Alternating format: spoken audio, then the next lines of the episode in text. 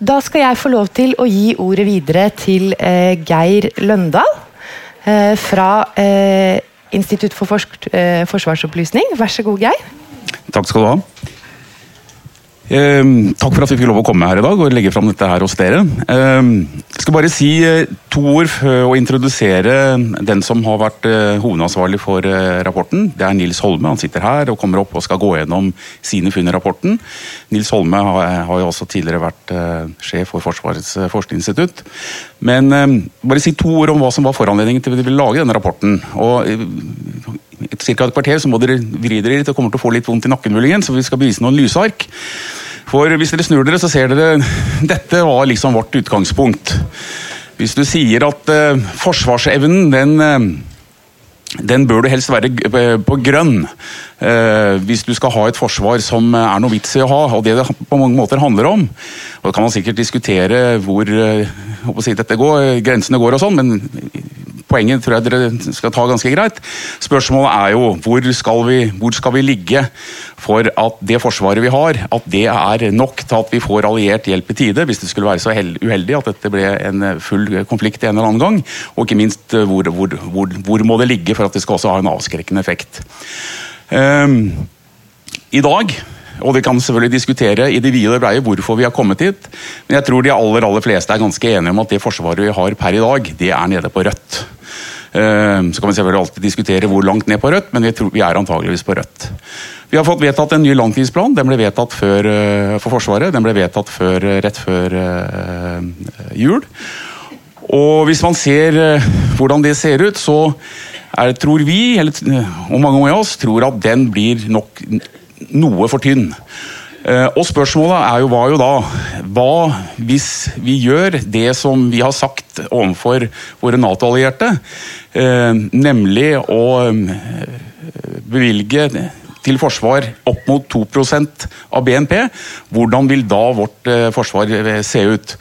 Hvor mye øket eh, forsvarsevne vil vi få, og kommer vi oss over på, på grønt? Det var noe av eh, utgangspunktet.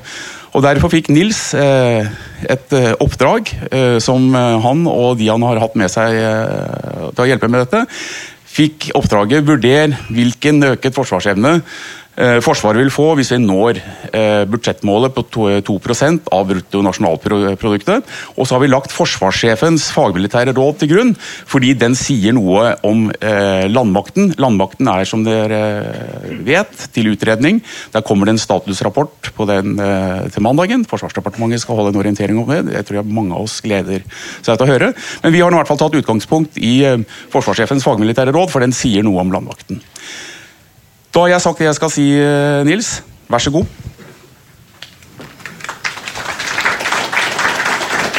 Ja, nå skal vi se. Ja, mange takk. God morgen. Jeg ser frem til dette.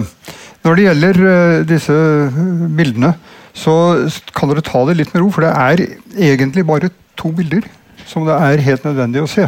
Og resten er tekster som jeg leser opp. Og så man kan si at jeg er mer avhengig av bildene enn dere er. Men det skal gå bra. Så skal vi se da hvordan dette men nå skulle jeg gjerne hatt mine egne bilder. Hvordan får jeg tak Der går det, ja. På vei mot et realistisk krigsforsvar, og dette notatet ligger altså til utdeling. Det er ganske mye tall, og det er ikke så inspirerende når man skal prøve å si noe fornuftig på 15 minutter. Så det går veldig eh, røft, dette her, i min fremstilling. Men jeg viser til det notatet hvor en del av disse tallene er redegjort nærmere for hvordan de er oppstått. Utgangspunktet på Natos høynivåmøte som vi vet i Wales høsten 2014 ble vedtatt som en anbefaling til landene å øke forsvarsbevilgningen til 2% av BNP innen 2024. Og 2% av BNP kan vi konstatere. eh, Det er i forbindelse med landsmøtene og oppløpet til valget blitt et slags politisk begrep. 2% av BNP.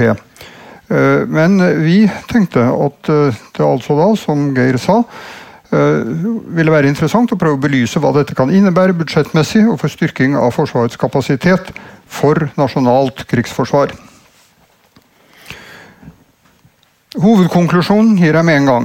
Det er at 2% av BNP vil innebære at forsvarsbevilgningen i 2024 vil være øket med omkring 17 milliarder kroner i forhold til nivået i 2017, da, i forhold til dagens nivå.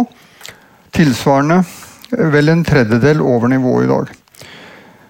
Denne økningen vil muliggjøre omkring en tredobling av Forsvarets kapasitet for krigsforsvar. La meg si med en gang. Dette betyr ikke at bevilgningen tillater en stor utbygging av et større og bredere forsvar. Det er ikke det det er snakk om. Det er det samme forsvaret som det vi har i dag, og det som langtidsplanen eh, bygger på. Men den økningen i bevilgning fra langtidsplanens eh, budsjettbane til denne 2% den tillater en helt annen og bedre utnyttelse av det forsvaret vi har. Kommer nå til det det dette denne orienteringen handler om.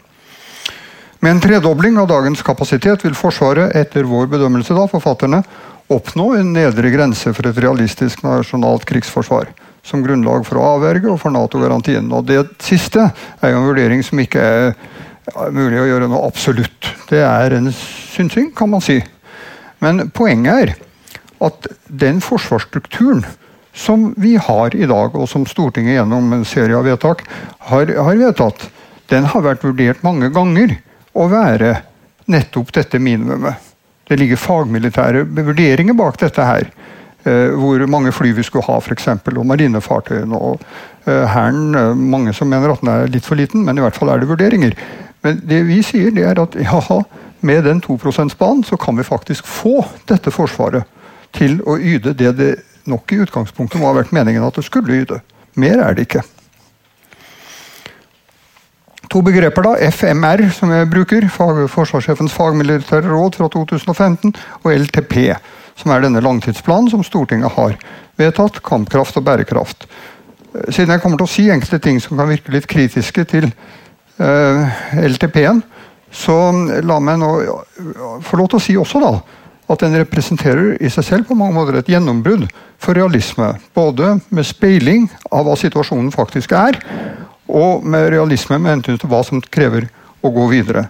Så, og ikke minst, eh, årets bevilgning eh, er jo da et brudd med den gamle realkjøpekraftnedbygningen. Ved at vi har fått en reell eh, kjøpekraftstigning, som jeg bedømmer til omkring 2,5 milliard kroner. Så er, den LTP-en er i seg selv et skifte i riktig retning. Men som vi kan se, det er altså ikke helt nok, den banen, til å bringe oss i mål. Forsvaret løser sine oppgaver, fredsoppgaver hjemme og deltakelse i internasjonale operasjoner på en utmerket måte. Det diskuterer vi ikke. Det løpende går veldig bra. Også ikke bare bedømt for norsk selvtilfredshet, men bedømt av de internasjonale organer vi samarbeider med. Men kapasiteten for nasjonalt krigsforsvar er meget begrenset.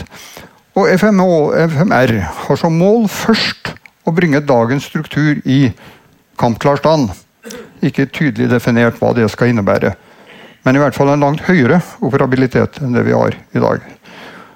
Og dette skulle etter FMR skje innen kring 2020. Og dernest styrke strukturen. Men først få det vi har opp å stå. Deretter se på eh, forbedring av kapasitet, nye systemer osv. Så, videre. så de spørsmålene som vi nå snakker om, det er hvilken måloppfyllelse for dette kan sikres med budsjettrammen i LTP, og hvilken måloppfyllelse kan sikres med 2 %-banen. Og 2 %-banen skal jeg nå si litt om. Her kommer den ene figuren som det er nødvendig at dere ser. Og det er eh, da her ser vi først den, den blå linjen her.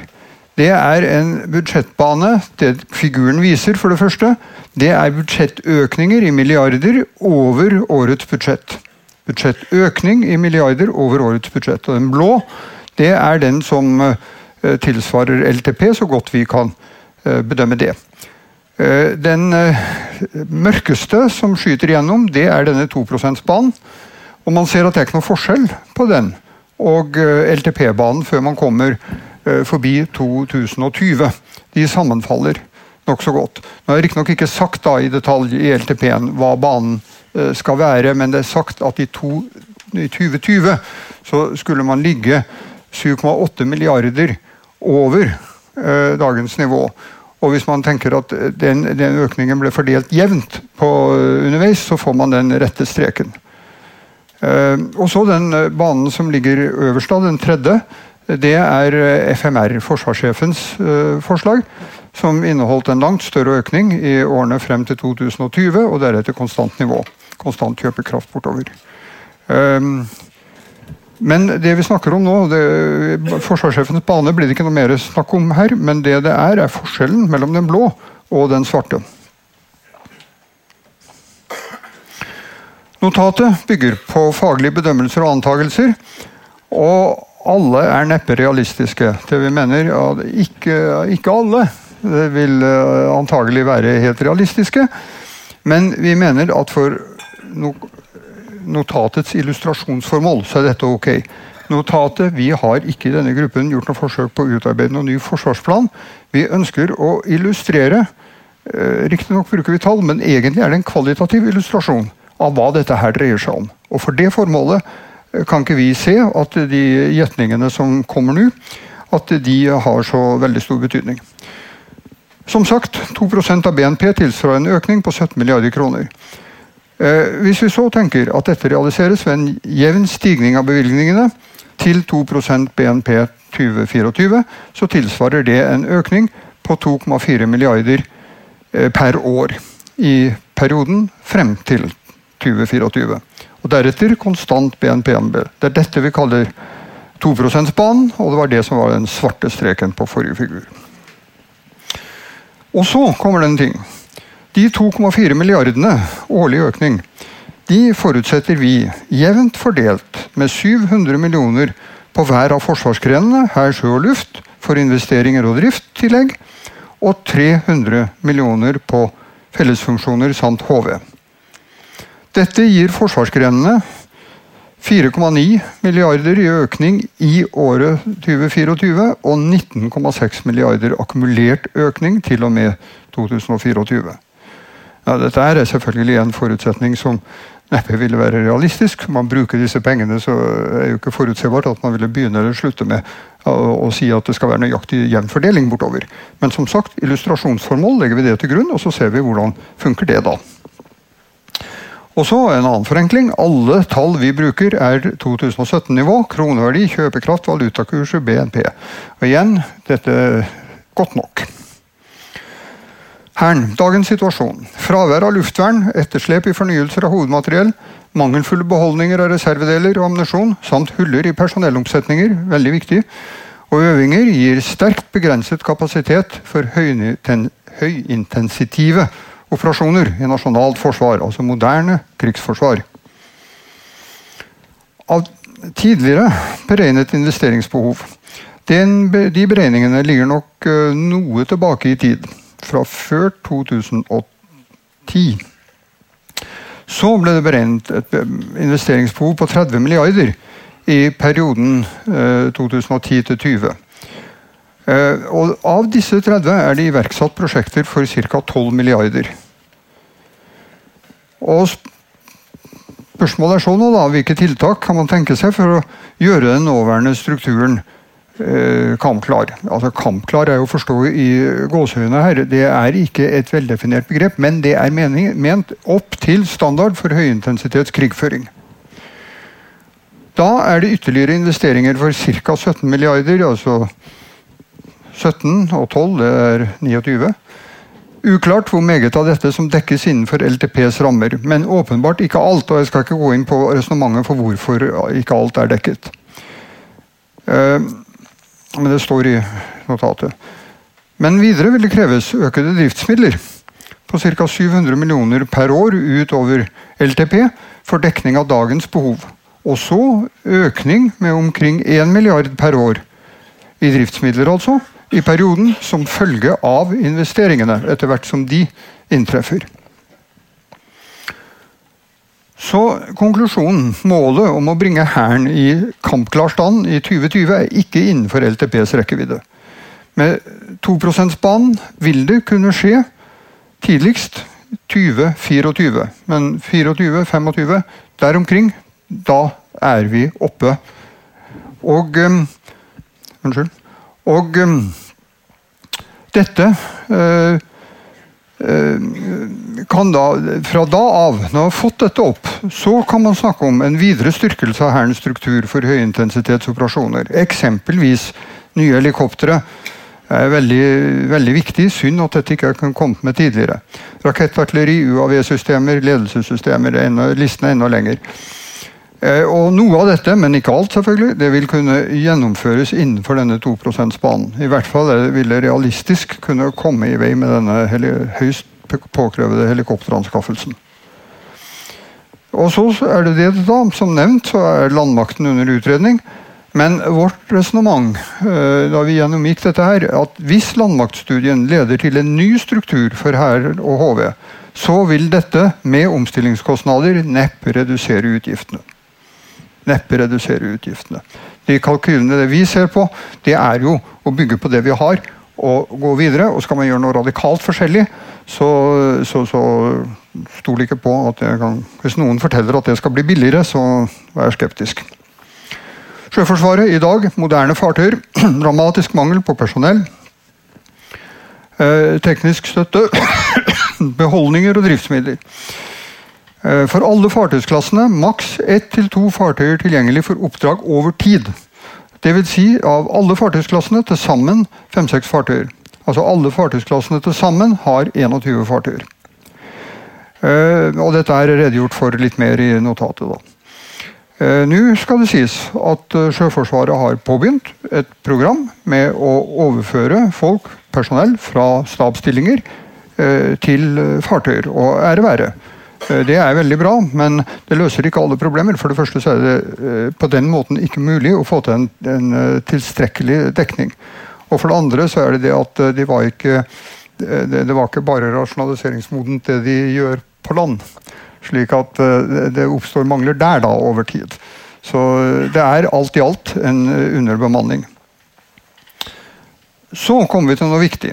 Driftskonseptet for stående marine vil øke antall fartøyer til ca. 13. Hva er stående marine? Det er et driftskonsept som vi tilstrebet og i stor grad holdt under den kalde krigen. Og nå er det ikke for å gjenkalle den med noen slags nostalgi. Men poenget er at den driftsprofilen den ble utviklet ikke i Norge, men også i velorganiserte mariner, britiske, nederlandske. Det er den driftsprofilen som gir den beste operative kapasitet for et gitt budsjett. Altså for investering og drift sett under ett. Og bare for å eksemplifisere det. Det den betyr, vi Den gangen hadde man jo store fartøysklasser. Men talemåten er den. Stående marine. Det betyr at av fem, hver fem fartøyer i en klasse, så har du én på verft for vedlikehold, én under oppøving, tidvis tilgjengelig for kanskje enklere oppdrag, og tre avgitt, fullt utrustet, trent til operativ kommando for oppdrag. Om de da ligger ved kai et eller annet sted og venter på noe å gjøre, eller om de er ute og slåss, har sagt, spiller ingen rolle. Altså eh, pengemessig og bemanningsmessig spiller ingen rolle. De er avgitt for operativ tjeneste og kan tjene der hvor det trengs. Kontinuerlig tre stykker av fem. Det er stående marinekonseptet. Og tilpasset da selvfølgelig for fartøysklasser som ikke er akkurat fem fartøyer. Så en stående marinedrift vil kreve økning av driftskostnadene med 1,7 milliarder per år. Videre kreves 2,5 milliarder for en økning av beholdninger og oppgraderinger som er forsømt. Det er altså da en engangs eh. Og en gradvis styrking av budsjettet etter LTP-banen er antagelig det maksimale som er forenlig med kapasiteten for gjennomføringen av tiltakene. For en god del av disse tiltakene tar det tid å gjennomføre. Du rekrutterer, og så har du billig utdannelse til første åren, og så blir det dyrere etter hvert, og endelig er de eh, ferdigutdannet.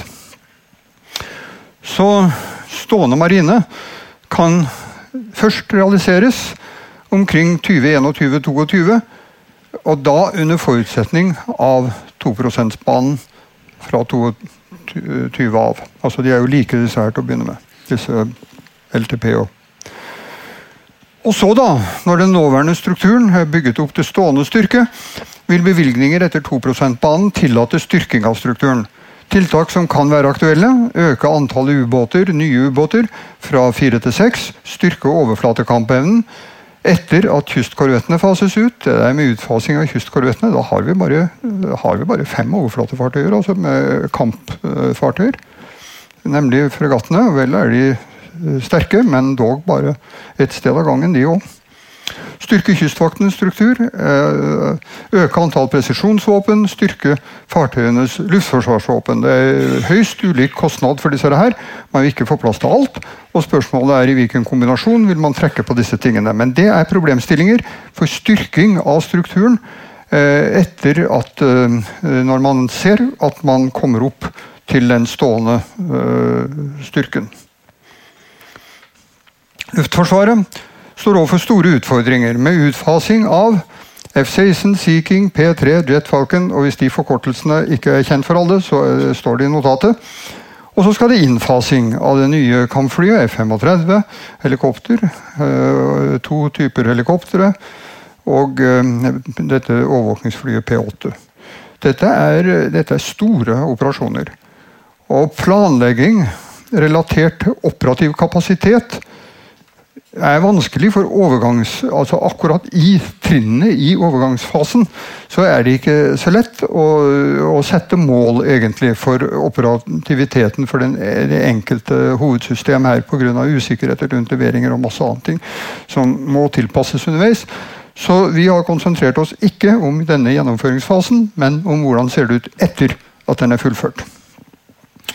Da anslås et behov for økning på 300 millioner per år for drift utover LTP. Samt komplettering av ammunisjon for flere hundre millioner kroner, kanskje nærmere opp mot en milliard. Også med årlige driftsutgifter. Det er en engangskomplettering, men her er det oppfølgingskostnader årlig også. Dette er utover LTP. Så styrking av Luftforsvaret etter 2 %-banen. På sikt, etter innfasing av nye systemer, vil en driftsprofil med ca. 70% av kampflyene operative på kort varsel, det er igjen stående luftforsvar, tilsvarende stående marinekonseptet. Ca. 70% av antallet kampfly skal være tilgjengelig på kort varsel, og med det forstås timer. Kanskje toppen et par dager. Og Da er det spørsmål hvor mange flyvere har du per fly, osv. Og, Og det er ammunisjonsbeholdninger og vedlikeholdskapasitet og alt dette her. Um, men det gir mer en dobling av kapasiteten. Altså den operative kapasiteten i forhold til drift under LTP. Kan, og denne doblingen den kan realiseres innenfor 2 %-banen. Men det forutsetter reservepersonell. Det er et uh, merkelig uh, urundt tall, men saken er at det skal summeres opp til dagen og gi, uh, gi um, en Det skal gi et rundt tall, da. Så må det mer penger til for overvåkning av flyene. Eh, overvåkningsflyene. Hva kan 2 %-banen gi over LTP? Eh, frem til 2024 vil det meste gå med til å få dagens struktur opp til stående forsvar. Fordi stående forsvar er mer ambisiøst enn FMR og LTP. Mer ambisiøst det vi legger opp til. Men altså en mer optimal utnyttelse av den kapitalen vi faktisk har lagt ned i dette forsvaret. Dagens forsvar mangler Forsvaret synes undervurdert i LTP. Dagens mangler. Og rasjonaliseringsgevinstene i FMR LTP synes å være overvurdert. Så får vi da en tredobling av kapasiteten, som vi sa. Med, og det er to grunner til det. vesentlig. Det ene er dette som jeg var inne på. Eh, to til to og en halv ganger så stor innsats fra fly og fartøyer. Og det andre er eh, en vesentlig bedring av kampkraften og utholdenheten pga. disse systemene som vi skulle hatt, men ikke har fått opp. Så er det det da at årsaken til økningen i kapasitet er at den kan bli så stor det henger jo da sammen med at vi har betalt for veldig mye som vi ikke får utnyttet fordi det er mangler. Og der er jeg kommet til slutten. Og det bildet der kjenner jeg fra Hardangerbroen. Og man trenger jo ikke å være brobygger for å se at uh, det er ikke noe trafikk på den broen før den er ferdig. Det mangler en bit. Her kommer den fint på plass, og trafikken går lystig i dag. Men det er dette da, billedlig som er vår situasjon i Forsvaret.